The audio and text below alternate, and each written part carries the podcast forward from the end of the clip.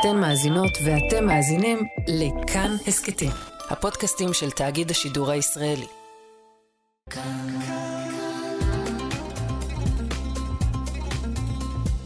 כאן תרבות. בואו נניח לרגע את הספר ונקשיב. עכשיו, מה שכרוך.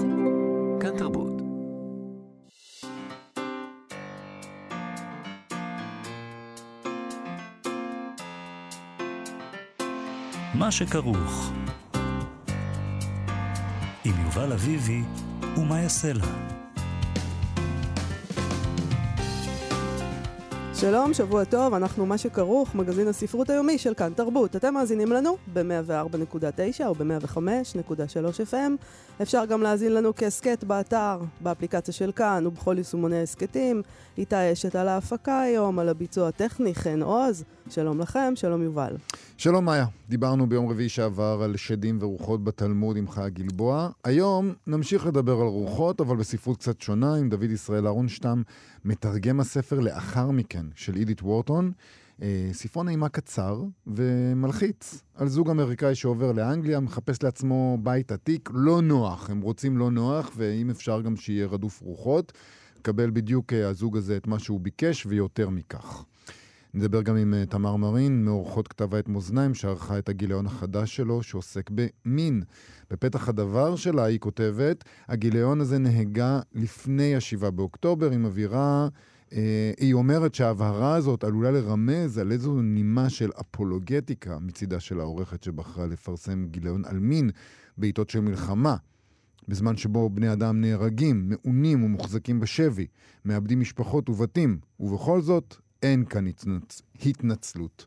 לא רק משום שחשוב לעסוק במין כדי להיאחז בחיים או לשמור על אופטימיות במרכאות כפולות בזמני משבר, אלא גם משום שהמין עצמו מגלם בתוכו לא רק את קוטב החיים, העונג וההנאה, אלא גם את יצר המוות, העיון וההתקלות. נדבר איתה על כל זה.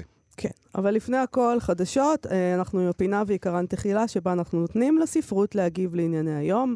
בהארץ פרסמו ידיעה שמערערת על מוסכמה מערבית שלפיה רווחה כלכלית שווה לאושר, באלף. אז מחקר חדש שנערך בקרב עמים ילידיים וקהילות מבודדות קורא תיגר על הזיקה ההכרחית בין אושר לאושר, אושר באלף ואושר בעין, ומעלה את ההשערה שסוד האושר טמון דווקא בקהילתיות ובחיבור אל הטבע. שזה כזה, מה חדש בזה? כבר מבלבלים את המוח על זה כבר הרבה זמן, אה, כל האנשים שהם בעניין של קהילתיות וחיבור אל הטבע, בסדר? אה, לא, כל לא האנשים, אגב, שבעניין של עושר, בעין, אומרים שזה גם בקטע של זה, כל אחד בקטע שלו. כן, אבל זה חדש? זה לא. צריך מחקר בשביל זה? תיסע לפרדס חנה ושמע אותם. חוקרים מספרד ומקנדה בדקו את מידת שביעות הרצון מהחיים אצל 2,966 בני אדם שמשתייכים ל-19 חברות ילידיות.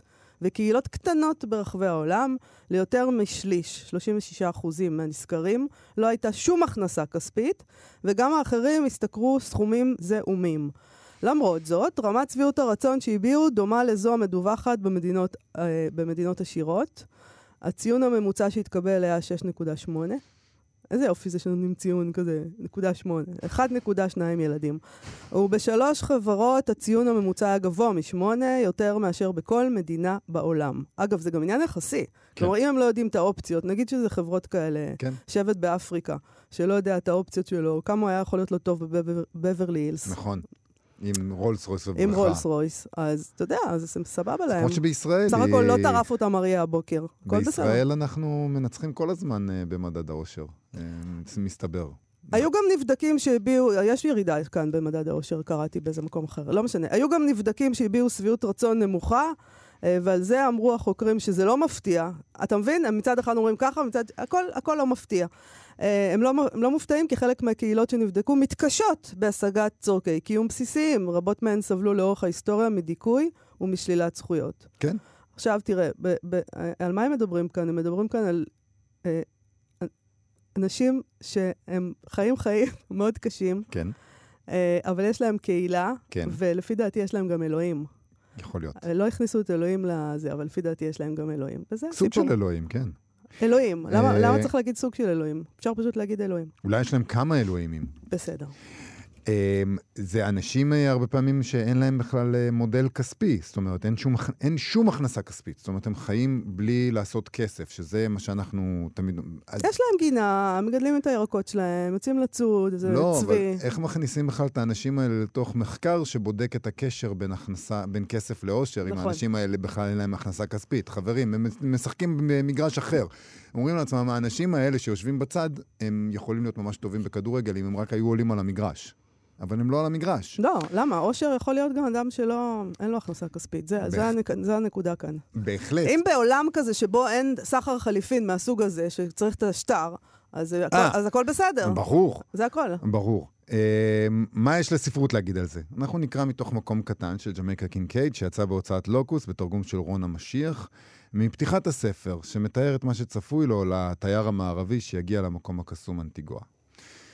אתה משתוקק להתרענן, אתה משתוקק לאכול איזה לובסטר טוב, איזו ארוחה מקומית טובה. אתה מתקלח, אתה מצחצח שיניים, אתה מתלבש שוב.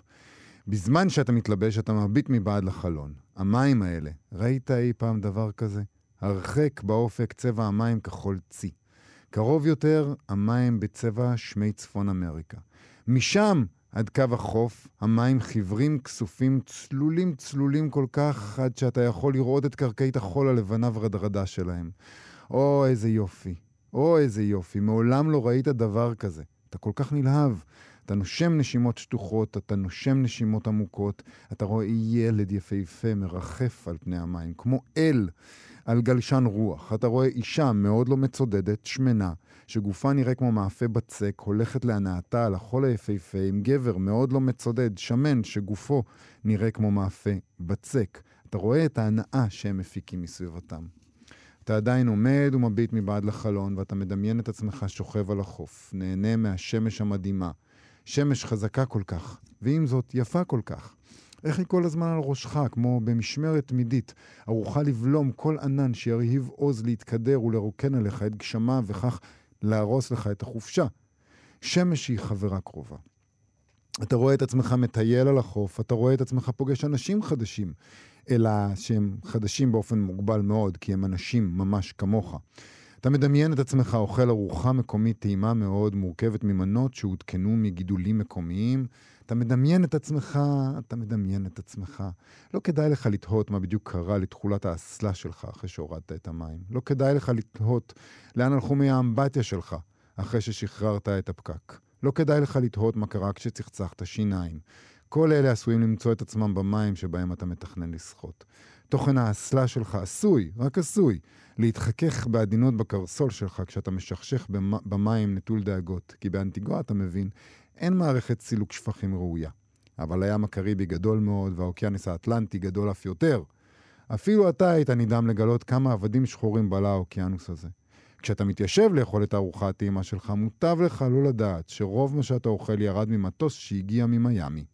ולפני שהוא עמס על המטוס במיאמי, מי יודע מאיפה בא. סביר להניח שבמקור הוא הגיע ממקום כמו אנטיגואה, מקום שבו הוא גודל בזיל הזול, המשיך למיאמי ואז חזר. יש עולם ומלואו מאחורי כל זה, אבל אני לא יכולה להתעמק בו עכשיו. אנחנו מה שכרוך וכאן תרבות, חזרנו. היכרותה של מרי עם חוקי העולם, עולם הרוחות הייתה נרחבת מדי כדי שלא תדע שאדם לא יכול לדבר על הרוחות שראה. דבר כזה הוא הפרה בוטה של הטעם הטוב, כמעט כמו ציון שמה של גברת במהלך, במהלך שיחה במועדון הגברים. אולם ההסבר הזה לא באמת סיפק אותה. מלבד, ה... מלבד העונג של הריגוש שהיא ערערה, איזה עניין יש לו ברוחות רפאים עתיקות? ואז היא הודחה שוב בבעיה מרכזית. מידת הרגישות להשפעות רפאים היא חסרת כל משמעות במקרה זה. מכיוון שאם ראית רוח רפאים בלינג, אינך, אינך יכולה לדעת זאת. רק זמן רב לאחר מכן, כך אמרה אלידה. ואכן, האם ייתכן שנד אכן ראה רוח רפאים כאשר הם עברו לבית והבין זאת רק בשבוע האחרון? מרי היא אשתו של אדוארד בוין, מהנדס ואיש עסקים אמריקאי שעושה הון בעסקה שמאפשרת להם אה, לפרוש לאנגליה ולרכוש שם בית. בית לא נוח, בית רדוף רוחות, בית ישן, זה מה שהם רוצים. אולי כדי להימלט מתחושת האשמה על ההצלחה הבורגנית שזכו לה, אבל הדברים משתבשים ולא בדיוק באופן שאפשר היה לדמיין בספר הזה, הקצר לאחר מכן של אידית וורטון, שיוצא עכשיו בהוצאת קתרזיס, בתרגומו של דוד ישראל אהרונשטם, שהוא מתרגם, העורך של סדרת אטלנטיסט בהוצאה לסדרה לספרות ספקולטיבית. שלום דוד. שלום, שלום יובל, שלום מאיה. שלום. אז uh, כיוון שזה ספר אימה, ספר מתח, שאפשר לעשות לו בטעות אולי uh, ספוילרים, תספר לנו אתה מה קורה שם. אז uh, בלי לעשות ספוילרים, אני קודם אגיד שכמו uh, שאמרת נכון, uh, הוא חלק מסדרת אטלנטיס לספרות ספקולטיבית. זה פרויקט שאני עובד עליו, שאני הקמתי עם הוצאת קתרזיס, ואנחנו מביאים לקהל את היצירות שהיו אמורות להיות מתורגמות מזמן כבר, ומאיזושהי סיבה שלנו לא ברורה, לא תורגמו, ואנחנו מתקנים את זה. אז הספר הזה הוא אחד מה, אחת מהדוגמאות האלה, יהיו בהמשך גם uh, תכף לאבקראפט ועוד איזשהו ספר אימה על-טבעי קלאסי מאוד, שאני לא יכול להגיד את שמו, אבל הוא, זה הולך להיות ממש מעניין. למה אתה לא יכול להגיד את שמו? כי זה עדיין uh, in the works. אוקיי. אני... אבל זה הולך להיות משהו ממש מגניב. אתה מפחד מרוחות? מרוחות? מעין הרע? מה, מה קורה? לא, לא, אני פשוט לא רוצה להגיד לפני שזה סגור, טוב. אבל... uh, הוא מפחד זה מחוזים לא זה. חתומים אולי, זה יותר, מפחיד לו פחות מ- אה, זה מרוחות מפחיד רפאים. לא פחות. המדף. אה, המדף הישראלי באמת חסר הרבה בתחום הזה, אבל בוא נדבר על לאחר מכן. אז בואו בוא נדבר על זה. אני, הספר עצמו הוא, הוא ספר אה, אה, יחסית קצר. אה, זה סיפור קצר עם מהלך ראייתי די, אה, די פשוט, אבל אה, הוא ספר מאוד מאוד מעניין אה, בגלל איך שהוא כתוב, ואידית וורטון בעיניי היא, היא פשוט נהדרת מבחינת, מכל, מכל סיבה, מכל, בכל, בכל אופן שהוא. והסיפור הזה בעצם עוסק בזוג, בני זוג שהם אמריקאים, מגיעים לאנגליה ובחיפוש אחר בית ישן, ומאוד מאוד חשוב להם שהוא יהיה רדוף רוחות. אה, כן, אבל הם אומרים את זה באיזה מין תפנוק בורגני כזה של המעמד העליון, אתה יודע. אה, שיהיה רדוף רוחות, נכון? זה לא שהם באמת מתכוונים. כן, אבל. משום מה הם, אני לא יודע, הם, הם, הם משום מה מאוד מאוד מתעקשים על, ה, על הנקודה הזאת. יכול להיות שזה עניין של יותר מדי ספרות גותית. אה, ו- ו- וכשהם באים לאנגליה, שזה מקום שבאופן קלאסי יש בו טירות ו- ו- והרבה מאוד אה, סיפורי רוחות כאלה שאנחנו אה, מכירים מה- מהתקופה היותר מוקדמת, מהמאה ה-18 וכולי. אז הם רוצים להרגיש שהם הגיעו, למ- אה, שהם, שהם מנצלים את מלוא הפוטנציאל המיסטי של המקום. וכשהם מגיעים לשם, אה, הם, הם מגיעים לבית, אומרים להם שיש איזשהו בית כזה, אה, קרובת משפחה שלהם שגרה שם, אבל העניין הוא שבבית הזה, הבן אדם שמגיע לבית, הוא, הוא יפגוש רוח רפאים. הבית רדוף, אבל הוא לא ידע שהוא פגש רוח רפאים, אלא רק לאחר מכן, הרבה זמן. הרבה זמן אחרי, מכן. נכון, נכון. ו- אוקיי. זה מה שבקטע ש... מגיעים- בקטע שקראנו, אה, זה זה מה שהיא חושבת לעצמה, שאולי הבן זוג שלה, בעלה, אה, ראה רוח רפאים, ועכשיו פתאום הוא מבין את זה. האמת שזה מאוד מעניין שזאת אחת השאלות שעולה, שעולות בספר, מי, מה זה רוח רפאים? מי, הרוח, מי רוח הרפאים שם? אנחנו בסוף מגלים מי רוח רפאים, אבל, אבל מעבר כן, לזה... אנחנו מגלים, אבל יכול להיות גם שבעלה הוא רוח הרפאים. בדיוק. אגב, יש איזשהו שלב שהיא, אה, שהיא גם חושבת, אה, אולי, אולי, אולי זה, מי זה שם? זה רוח, אה, לא, לא, זה בעלה. כי בעצם אומרת, הרוחות רפאים פה, אתה יודע, זה לא סיפור על רוחות רפאים, באמת. לא. לא, לא, זה סיפור על, אה, על אה, בני זוג ועל אה, איזשהו משבר אמון שמתחיל להתפתח ביניהם. והמשבר אמון הזה, משבר האמון הזה הוא, אה, הוא הרוח רפאים של הקשר. כן. הוא נמצא שם, הם לא מודעים אליו, והמשבר הזה בדיוק מתחיל כשהם מגיעים לבית הזה, לבית העתיק הזה. הבית הוא, הוא, הוא איזשהו דחף של נוסטלגיה, ודווקא מתוך הדחף של נוסטלגיה הם נשלפים אל המציאות, ובמציאות הזאת יש רוחות רפאים. זאת מציאות מפחידה הרבה יותר מה, מהנוסטלגיה הזאת של הבתים. נכון, היא אומרת, אה, היא כותבת, אה, אידית וורטון, וזה זה תרגום שלך, אז גם אתה פה כותב. אה, היא מדברת על התחושה המיוחדת שבמשך מאות שנים הבית הזה שימש מאגר חשוך ועמוק של חיים. מה שאין אני- בתוך הזוג הזה זה חיים.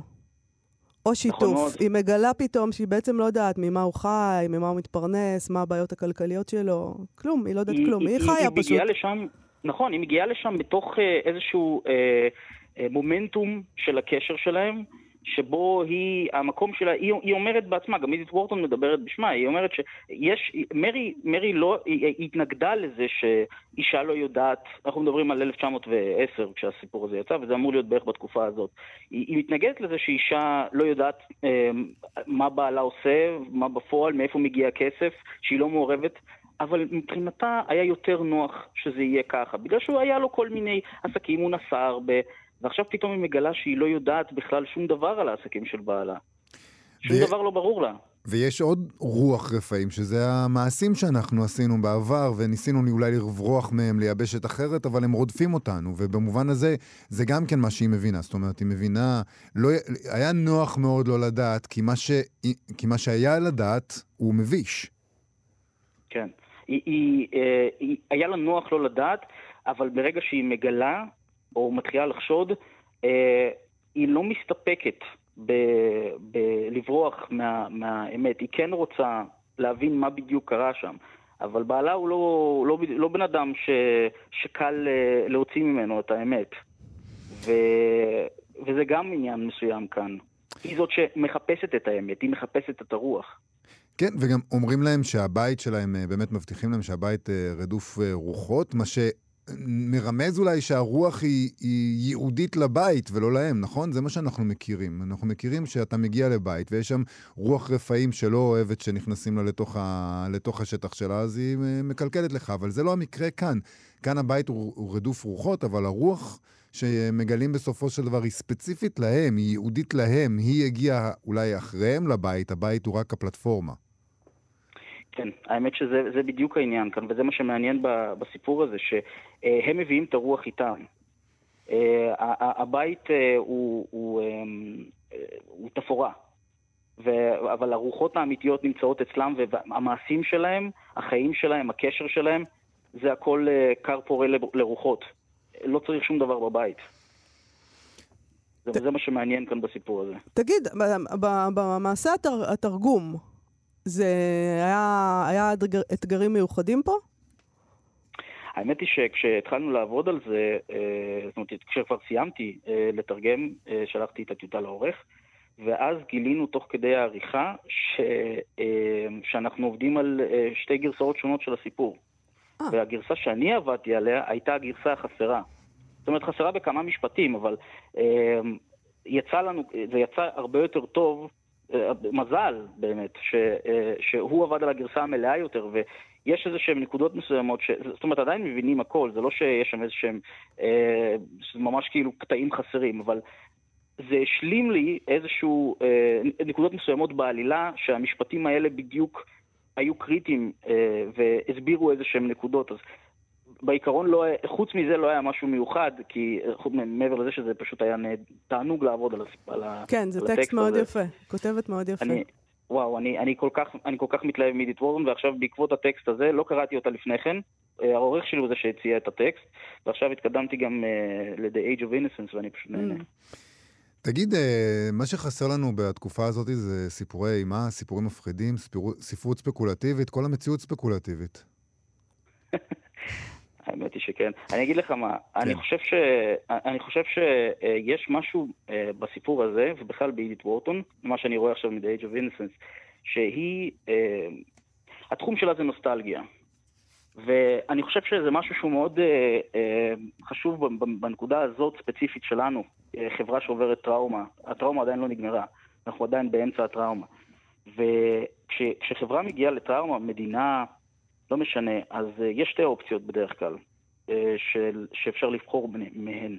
Uh, אופציה אחת זה נוסטלגיה, לברוח לנוסטלגיה, אסקפיזם במקרה של הפרט, או אם מדובר על מדינה זה בדרך כלל אומנות, חזרה לסמלים של פעם, ו...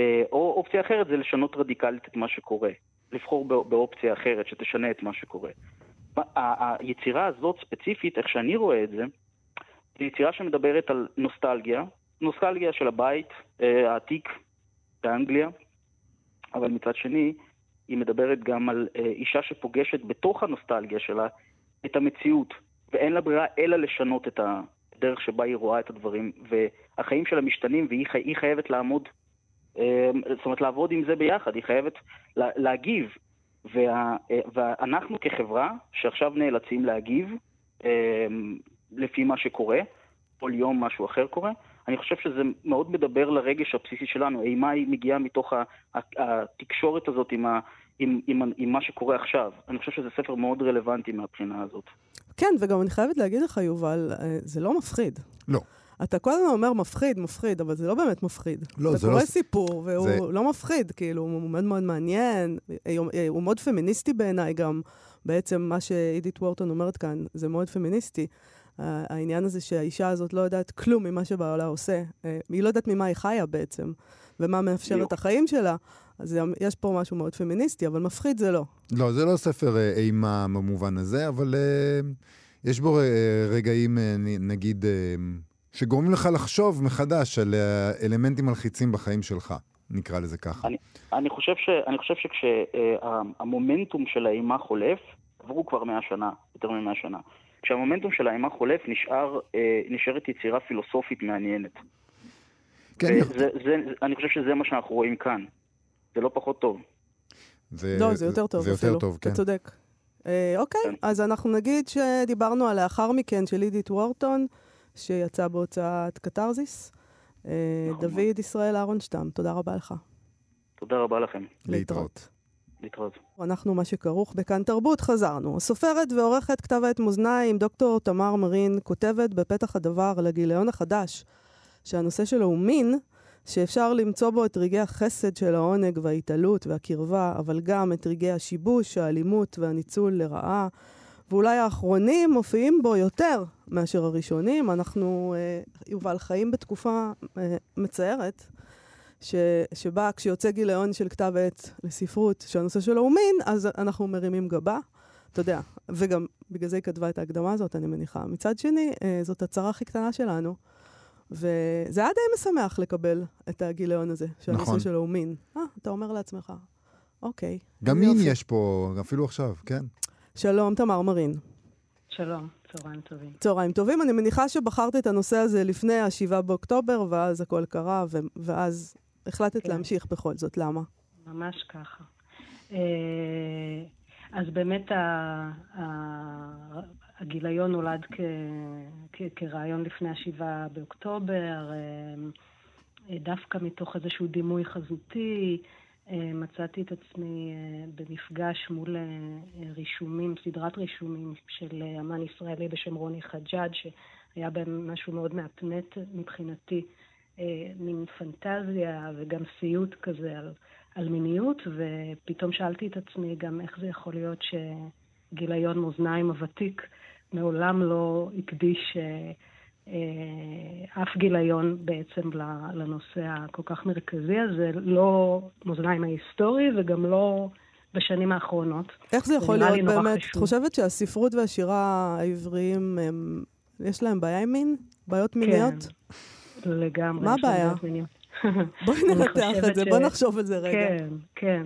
אה, סקס וספרות עברית לא, לא, לא היו חברים. נכון, כן? אה, נכון. אני חושבת שהספרות העברית אה, מאוד מאוד אהבה לעסוק בעכבות מיניות, בשיתוקים מיניים, פחות בארוס מתפרץ. זה נורא חזק ב, באמת בספרות של מפני המאה, כולנו גדלנו על הגיבורים המעוכבים מינית של... ברנר וגנסין ועגנון אחר כך. זאת אומרת, המין הפך להיות נושא שמגלם בתוכו המון, המון רגשות אשמה, פחות uh, את, ה, את העונג השמח, בוא נגיד את זה ככה, וגם, אני חושבת שמאוחר יותר הוא גם הפך להיות איזשהו מין uh, סימבול לאומי, נגיד, שכבר השתמשו בו.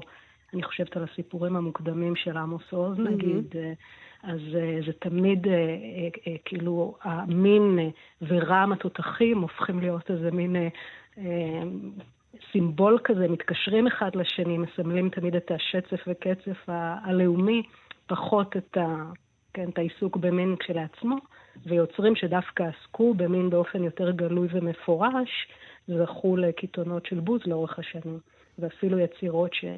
כן, שהיום אנחנו מקבלים אותם כיצירות מופת, חיי נישואים של פוגל עולה בראש שלי כן. למשל. כן. בזמנו פשוט, אה, פשוט צונזרו, ממש צונזרו. רחל איתן, שידה ושידות, יצירות שממש עסקו במיניות, ו, כתבו מפורשות על אקטים מיניים ועל איברי מין, פשוט לא, לא עברו. גם יונה וולך בשירה, למשל. נכון. הטענה המרכזית הייתה שזה לא, זוכרת פעם איזשהו חוקר כזה נורא מכובד לספרות עברית, חוקר אמריקאי לספרות עברית, שאמר לנו במבטא אמריקאי כבד שיונה וולך זה לא שירה. זה, זה נורא נשאר לי הדבר הזה, כי אני קיבלתי, אגב, אה, לאחרונה תגובות דומות על הגיליון. התחלת, אה, כן, אה. בהרמת הגבה. מה אמרו לך? הרימו גבה? אז זהו, הרימו, הרימו גבה. לצד באמת הרבה תגובות נלהבות, ו... וטובות, אז כן, כבר חטפתי בינתיים גם ריקושטים. שגולת הכותרת שלהם היא שזה לא ספרות. אה. כן. זה לא ספרות, לא שזה לא, לא מתאים לא עכשיו להתעסק בזה, לא, אלא לא, שזה לא, לא ספרות, הכל, כן, כל מה שיש שם. יש פה באמת המשך של איזשהו, איזושהי תגובה היסטורית, אני חושבת, mm. למיניות uh, בספרות. זה משהו שקשה משום מה לעכל אותו. אז כלומר, ברגע... אני רציתי לא... לשאול אותך אם משהו כן. השתנה בספרות העברית, כפי שאת תיארת, אז, אז השתנה כן. או לא השתנה? או, או, או אולי זה אומר שלא, אם הם אומרים לך שזה לא ספרות. אה, תראי, זה, זה תגובות של פלג אחד, אני מניחה יותר שמרני. אה, הייתה גם הרבה התלהבות בפלגים אחרים, אז אני, אני לא חושבת שזה, שזה אחיד, כן. אבל כן, אני חושבת שעדיין ברור שהשתנה, וכן, להלן גם הגיליון שמכיל פרוזה ושירה שקוראים עכשיו.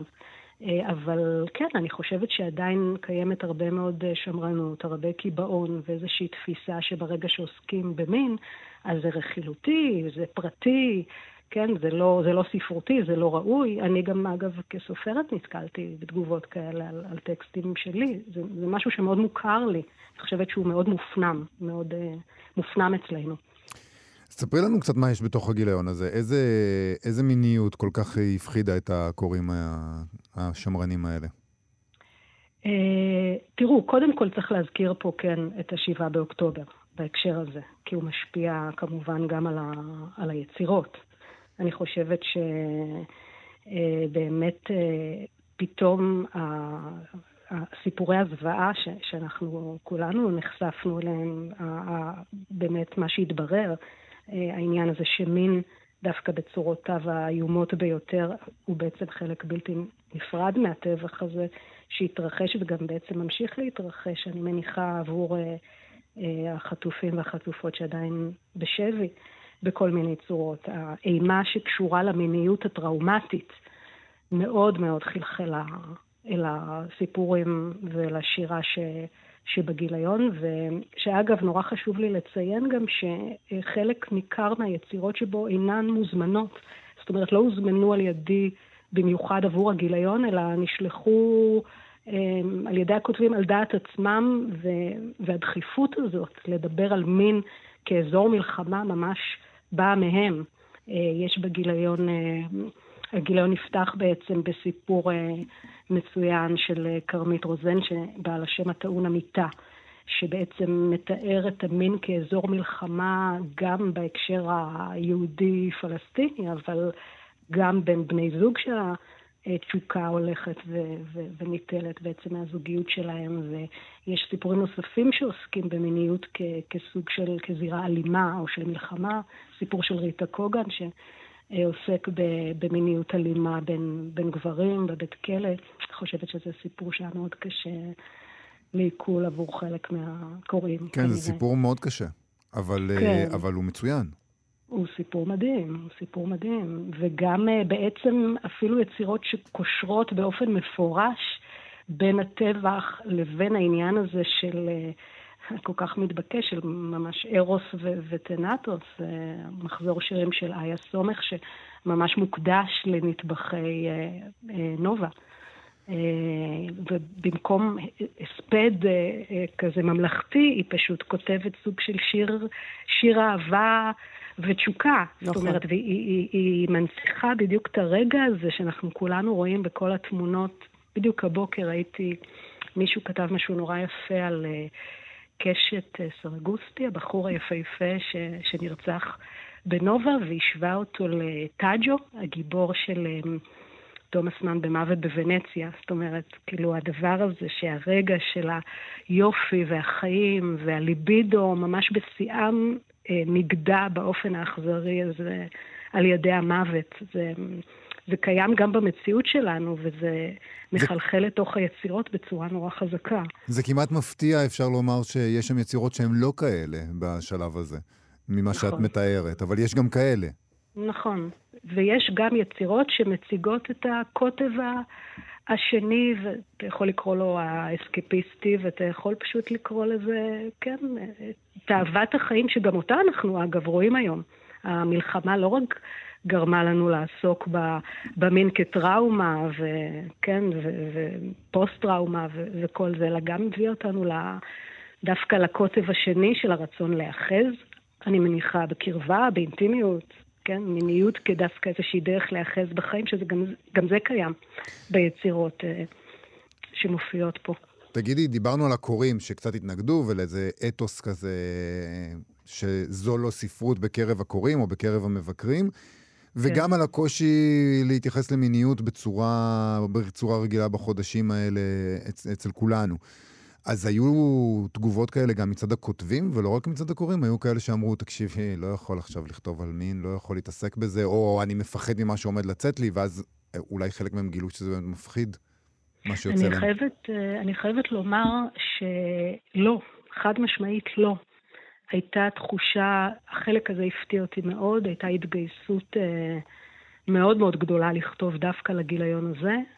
אה, היו כאלה שאמרו לי שהם מרגישים שזה חשוב, דבר חשוב לא פחות, היה להם מאוד מאוד דחוף דווקא אה, לכתוב לגיליון הזה, ואיזושהי תחושה של דחיפות נורא נורא גדולה לעסוק במין מכל ההיבטים ומכל הכיוונים של הנושא הזה, ממש תחושה של מחויבות כמעט. זה היה די מדהים, העניין הזה. אז מאזניים, הגיליון החדש של כתב העת uh, בעריכתך, דוקטור תמר מרין, מין, פרוזה, שירה ומסות. תודה רבה לך על השיחה הזאת. תודה לכם. מה שכרוך בכאן תרבות, חזרנו עם סטטוס ספרותי של דוד ספרא, שיש לו הצעה רדיקלית, צנזורית. צריך לבטל את שמלת השבת של חנה'לה מהתרבות העברית. זו ההצעה שלו. ייתכן, הוא אומר, שאין הרבה ספרים מזיקים כמו הספר הזה. מדובר בספר שמחנך באופן חד משמעי ילדות וילדים קטנים להיענות לבקשות של גברים זרים לבוא איתם ולעזור להם. אני לא חושב שיש הרבה בוגרים שלא ברור להם שבעולם האמיתי, אם גבר מבוגר פונה לילדה או לילד בני חמש ברחוב ומבקש מהם לבוא איתו כי הוא זקוק לעזרה במשהו, סביר להניח שזה ייגמר רע מאוד. ויחד עם זאת יש לנו ספר שהוא אחד מיסודות התרבות העברית החדשה, נכתב ב-1937, שאין כמעט ילד או ילדה שלא מכירים אותו, שאף מוצג תדיר על במות כהצגה קלאסית לילדים, האומר לילדות ולילדים פעוטים, לכי עם הגבר הזה, הגבר הזר הזה, זו מצווה. זה ייגמר בטוב. הקשיבי לו בתשומת לב ובכבוד. ואם רק תעני לבקשותיו, לא משנה כמה קשות ומלוכלכות הן נשמעות, את ילדה טובה. ואתה ילד טוב. אבל במקביל אנחנו קוראים להם את כיפה אדומה, כדי שהם ידעו את כל האופציות. זאת אומרת, נותנים להם את הטוב שמכל העולמות. לא, כאילו, אתם, אתם צריכים להבין שבסוף יש גם זאב. אולי צריך להסביר להם מה לעשות, ולא לקרוא להם סיפורים בכלל. לא, צריך לקרוא להם סיפורים וגם לדבר איתם פה ושם. פה. ושם. כן. רגע, הוא עוד לא סיים. אוקיי. יש לו עוד. בבקשה. וזה עוד בכלל בלי לדבר על המשמעות המטאפורית של השמלה המלוכלכת בעקבות המפגש עם הגבר הזר. כן. והמצוקה הקשה של חנה'לה שהתלכלכה כל כך, היא מפחדת לספר זאת לאימה, ורק מעשה נס משמיים יכול לנקות ממנה את הזוהמה הנוראה. בין אם החבר היה מודע לכך או לא, זה פשוט מפחיד. זה מחריד. ואין לי ספק שבהיסטוריה הארוכה של הספר הזה גם היו ילדות וילד, ילדים וילדות שפעלו בדיוק כמו שלמדו מחנה'לה, עם התוצאה המזעזעת והבלתי נמנעת. ולכן, הגיע הזמן לגמור עם הסיפור הנורא והמזיק הזה, הוציאו אותו מגני הילדים, הפסיקו את ההצגות הכתובות על פיו, השליכו אותו לסלי המחזור, מספיק ודי. זה מה שהוא אומר. ומתברר שהוא לא היחיד. ממש שבוע לפניו כתבה על אותו ספר שגיא סיגל שריג. מדהים, מדהים, שבוע. שבוע הפריד בין שני הסטטוסים האלה. זה כמעט מתבקש, אתה מבין? אני לא מבינה איך זה לא קרה קודם.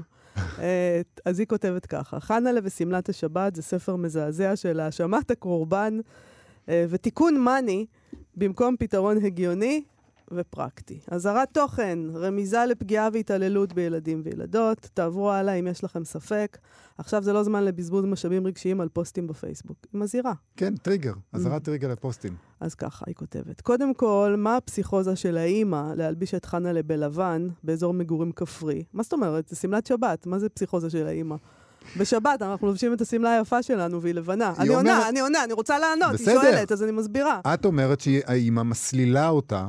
האימא לא מסלילה אותה. אה, בשבת... היא אומרת, היא אומרת, אה. לא, את, את לא. היא מסלילה אותה לקטסטרופה. היא לא מסלילה אותה לשום קטסטרופה, היא, היא, היא הלבישה לה את שמלת השבת. ושמלת השבת היא לבנה. תפסיקו לבלבל את המוח. אוקיי, בוא ניתן לה את באפר." הבמה שלה. קודם כל, מה הפסיכוזה של האימא להלביש את חנה'לה בלבן באזור מגורים כפרי, ועוד לשתול כזאת אימה בליבה של חנה'לה, שהיא מפחדת לחזור הביתה עם השמלה פחות ממושלמת. חנוש, אימא שלך פרפקציוניסטית בקטע אלים, ואני מצטערת על הפרעת האכילה וחרדתיות שבטח כבר פיתחת. היא דמות בדיונית, חנה. חוץ מזה, מה את הולכת לעזור לגברים זרים שמעירים לך על הנראות שלך? בחייאת, אין לך איזה גננת או סייעת שתסביר לך על בטיחות וגבולות. הלו, מבוגרים ומבוגרות בטוחים לא מבקשים או מקבלות עזרה מ... אני לא יכולה לקרוא טקסטים כאלה. אני לא יכולה, אני לא אני מסוגלת. בסדר, ת, ת, ת, תלכי על זכר, בסדר? תלכי על לשון זכר, אני, אני אסלח לך. אולי מישהו אחר יבטל אותך. מבוגרים בטוחים לא מבקשים או מקבלים עזרה מילדים למשהו שלא קשור לילדים. אני בחרתי בזכר. אני אמרתי לך. סליחה, אני ממש עשית מה מתנצלת. שהגבר אמר לך לעשות. נכון. ואז חנה בוחנת את עצמה ואת הנזק. יש פה וייבים של מטאפורה למשהו זדוני ונוראי שהתרחש. תראה איזה מוח מלוכלך יש לנו, אנחנו המבוגרים. חנה יושבת על אבן לבד, מרגישה מטונפת ופגועה, ולא מסוגלת לחזור הביתה. היא יודעת שאימא לא תגיד לה שהכל בסדר, העיקר שאת בטוחה עכשיו. היא מקבלת על עצמה את מלוא האשמה לכל הסיטואציה, החל מהציפיות הבלתי סבירות של אימא, וכלה בהתנהגות של קורי הפחם. חנה לא מרגישה שהיא יכולה לחזור הביתה, עד שקרני הירח לא מטהרות אותה, להקיא. וגרוע מזה, יש לה זכות לחזור הביתה רק אחרי שהיא התעלתה מכל מה שהתרחש, והיא טובה יותר בזכותו. השמלה עכשיו לא רק לבנה, היא נוצצת וזוהרת בקרני הירח. מי שלא זוכר, אז השמלה שלה פשוט מתלכלכת, כי היא עוזרת לו לסחוב את הפחם. כן. זה כל מה שקרה. והירח מנקה אותה. הח- החלמה ו overcoming, היא כותבת, לא עובד ככה, חנה, חנוש מתוקה. חבל, קוראים לה חנה'לה פשוט. זה- חנה'לה זה כבר שם חיבה. אז לא צריך להפוך את זה אני לחנוש. מרגיש, אני מרגיש שיש לך אה, הסתייגות מה כתוב. הבת, אז הנה דבר חמוד, הבת שלי כשהייתה בת שלוש, אחרי שהקראתי לה מספיק פעמים את חנה'לה בסביבת השבת, באה אליי פעם אחת בטענות ואמרה לי, אמא, כן. למה לא קראת לי חנה'לה? ומה- זאת הייתה הטענה ו- שלה. ומה ענית לה? עניתי לה, אלה, את תודי לי על זה יום אחד. ואני חושבת שזה בסדר היום. כי תראי, אה, לאלה אי אפשר לעשות את הסיומת הנחמדה של לה בסוף, אלא לה. אפשר, אפשר, אפשר, אפשר, אפשר. למה אתה אומר אי אפשר? למה יש אתה נגטיבי? לא, לא, לא. איזה בן היא רצתה אדם. בסדר. אז ככה, היא כותבת, החלמה ו overcoming לא עובד ככה, חנוש מתוקה, אם השמלה המטונפת שלך מפריעה לאחרים, זה בעיה שלהם, את לא חייבת לאף אחד, שמלה לבנה, את ראויה לקבלה, אהבה ובטיחות גופנית ונפשית, כבר עכשיו. סיכום! סיכום שלה. כן, איורים, גרמניה הנאצית רוצה את הפרופגנדה הבלונדינית שלהם חזרה. זאת אומרת, מפריע האיורים- לנו האיורים- היא בלונדינית? האיורים נראים להם דומים לפרופגנדה נאצית. אהה. עברית של שבת, רמת חינוכיות, עדיף סאוט פארק. שזה אגב אחלה, כי אני אוהבת כן. סאוט פארק. אפשר גם סאוף פארק וגם כיפה אדומה וגם חנה לוי ושמלת השבת. תשמעי, אצל אה, דוד ספרא היו לא מעט שהסכימו, גם שם, שני הסטטוסים היו לא מעט שהסכימו איתם, אבל uh, הייתה גם, גם תגובה של יאיר סילברג שכתב שווה ערך לטענה שילדים ינסו לעוף על מטאטא uh, מגובה ברגע שתיתן להם לקרוא הארי פוטר. יפה מאוד. אין לי מה להוסיף. אה, אז בואו עכשיו, אם הם רצו להעיף את אה, חנה'לה ושמלת השבת, נכון? בואי. אז בואו נשרוף ספרים. יאללה. נכון? אנחנו נס- מכאן אנחנו מגיעים לשרפת ספרים באופן קל וטבעי. תמיד טוב להיזכר שהדבר הזה עוד קורה, הפעם אצל פוליטיקאית בשם ולנטינה גומז, שמתמודדת על משרת מזכירת המדינה של מיזורי. היא פרסמה בטוויטר סרטון שבו היא שורפת בעזרת להביא אור לצלילי השיר MG של קונור פרייס וקילה. וקילה. בוא נשמע רגע את הדבר הזה. אתה שלחת לי את זה, בוא... כן, אה, הנה, הנה. קדימה. This is what I will do to the growing books when I become Secretary of State. Let's go. Mm, These books come from Missouri Public Library. When I'm in office, they will burn. איזה יופי. היא אומרת פה ככה, זה מה שאני אעשה לספרי הגרומינג שהמונה למזכירת המדינה. הספרים האלה הגיעו מהספרייה הציבורית של מיזורי. כשאני אהיה אחראית, הם יישרפו. ורואים שם אותה שולפת לאוויר, כן, ו- ושורפת. ושורפת אותם Mhm. ממש, אה, והם נשרפים מטבעם של ספרים. אה, את הסרטון הזה חותמת תמונה שלה עומדת עם אפוד ורובה אוטומטי. היא גם ציימה, היא צייצה את הסרטון הזה, והיא כתבה שם ליד, אם זה לא ברור למישהו, כשיהיה מזכירת המדינה, אני אשרוף את כל הספרים שעושים grooming, אינדוקטרינציה או סקסואליזציה של הילדים שלנו. MAGA, אמריקה ראשונה, America first. MAGA זה make America great again, נעשה את אמריקה גדולה שוב, סיסמתו המבטיחה של דונלד טראמפ, שלא יודע אם הוא קיים. grooming, צריך להגיד, אם מישהו לא מבין, זה שם הקוד הפוגעני של שמרנים לכל מיני אה, ניסיונות לכאורה להטות ילדים לנטייה מינית מסוימת, זה מגיע מהעולמות של פדופיליה.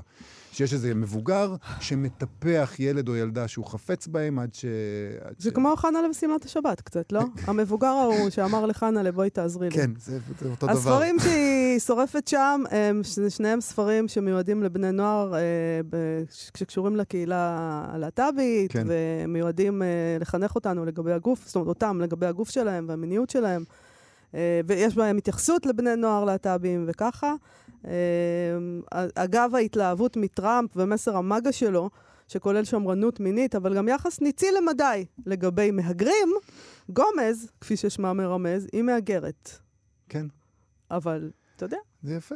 ת, תראי, יכול להיות שאם אתה שורף ספרים, אז סולחים לך שאתה מהגר. זה אולי מין איזה... היא כבר היגרה פשוט. אנחנו הרי, יש שם בעיה בגבול בטקסס, אה, יש שם עניינים מאוד מעניינים, אולי נדבר עליהם פעם, כן. אה, איכשהו. יש שם בלאגן. אני מתעניינת בזה מאוד. אז יש שם בלאגן, אז... אה, אבל אם כבר הצלחת להגר, כן, ואתה כבר בסדר, כן, אז אתה יכול כבר להפוך את עורך, ולשרוף. ולהפוך להיות טראמפיסט. כן. מגה. וזה יכול להועיל לך אפילו בחיים. כן. אז או לשרוף או לצנזר, אלה ההצעות שעלו בשתי בדיוק, דק- ועם בדקות זה אנחנו האחרונות. מסיימים, כן. נתנו לכם את כל ההצעות הטובות שלנו, תעשו עם זה מה שאתם מבינים. אתם תעשו מה שאתם מבינים. אה, אנחנו בינתיים אה, נבטיח לכם להיות כאן אה, מחר גם, אחרי שנגיד תודה למפיק שלנו איתי אשת, ולחן עוז שהייתה עימנו על הביצוע הטכני, ובשלב הזה, להתראות. להתראות. אתן מאזינות ואתם מאזינים לכאן הסכתים, הפודקאסטים של תאגיד השידור הישראלי. אתם מאזינים לכאן הסכתים, הפודקאסטים של תאגיד השידור הישראלי.